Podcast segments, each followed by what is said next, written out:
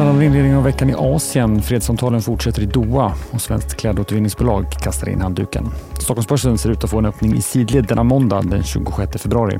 Du lyssnar på det i Morgonkoll. Jag heter Alexander Klar. Börsen i Asien utvecklas åt olika håll. Tokyobörsen stiger ett par tiondelar medan Hongkongbörsen backar ungefär lika mycket. I Fastlandskina stiger teknikbörsen i Shenzhen nästan 1% medan bredare Shanghai-börsen backar svagt.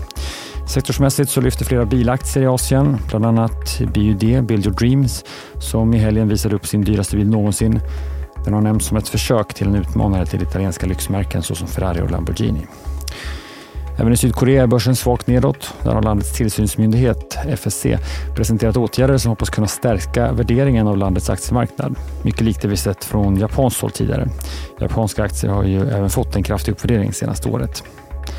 På råvarumarknaden har oljepriset fortsatt att backa över helgen samtidigt som nya samtal om försök för att få ett eldupphör i Gaza inletts i Doha. Israel, USA, Qatar och Egypten deltar i samtalen.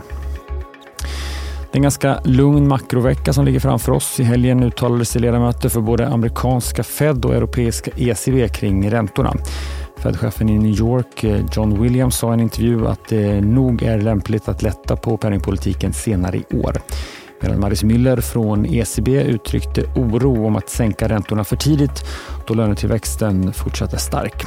Müller sa att han helst inväntar data för det första kvartalet i år innan man kan se om det är dags att backa från den restriktiva penningpolitiken.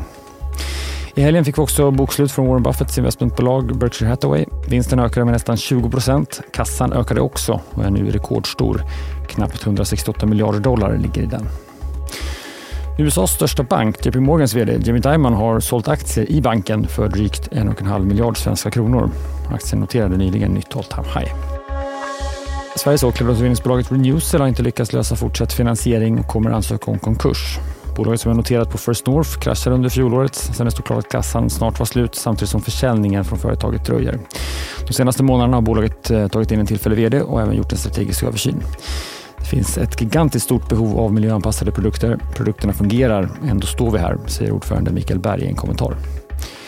Fastighetsbolaget SBB har bildat ett nytt samriskbolag, SBB Infrastructure, tillsammans med det amerikanska investmentbolaget Castle Lake, som får låna cirka 5,2 miljarder kronor av Castle Lake. SBB kommer att använda en del av pengarna till att stärka bolagets finansiella ställning och amortera på skuld, säger man. Ytterligare ett malmtåg har spårat ut på Malmbanan mellan Norvik och Kiruna. Urspårningen inträffade nära den plats där ett malmtåg spårade ur i fjol.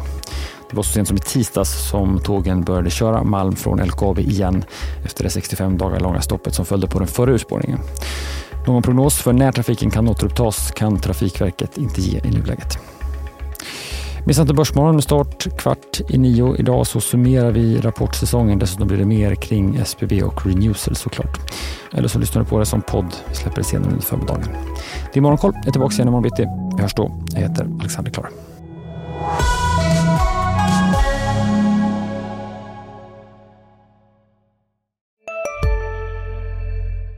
Där det finns ett samhälle, där finns det brott.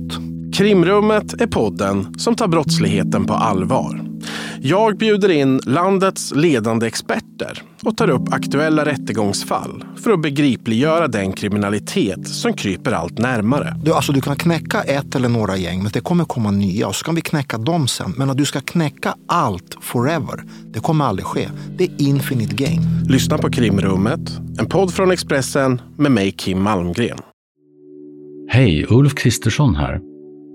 På många sätt är det en mörk tid vi lever i. Men nu tar vi ett stort steg för att göra Sverige till en tryggare och säkrare plats.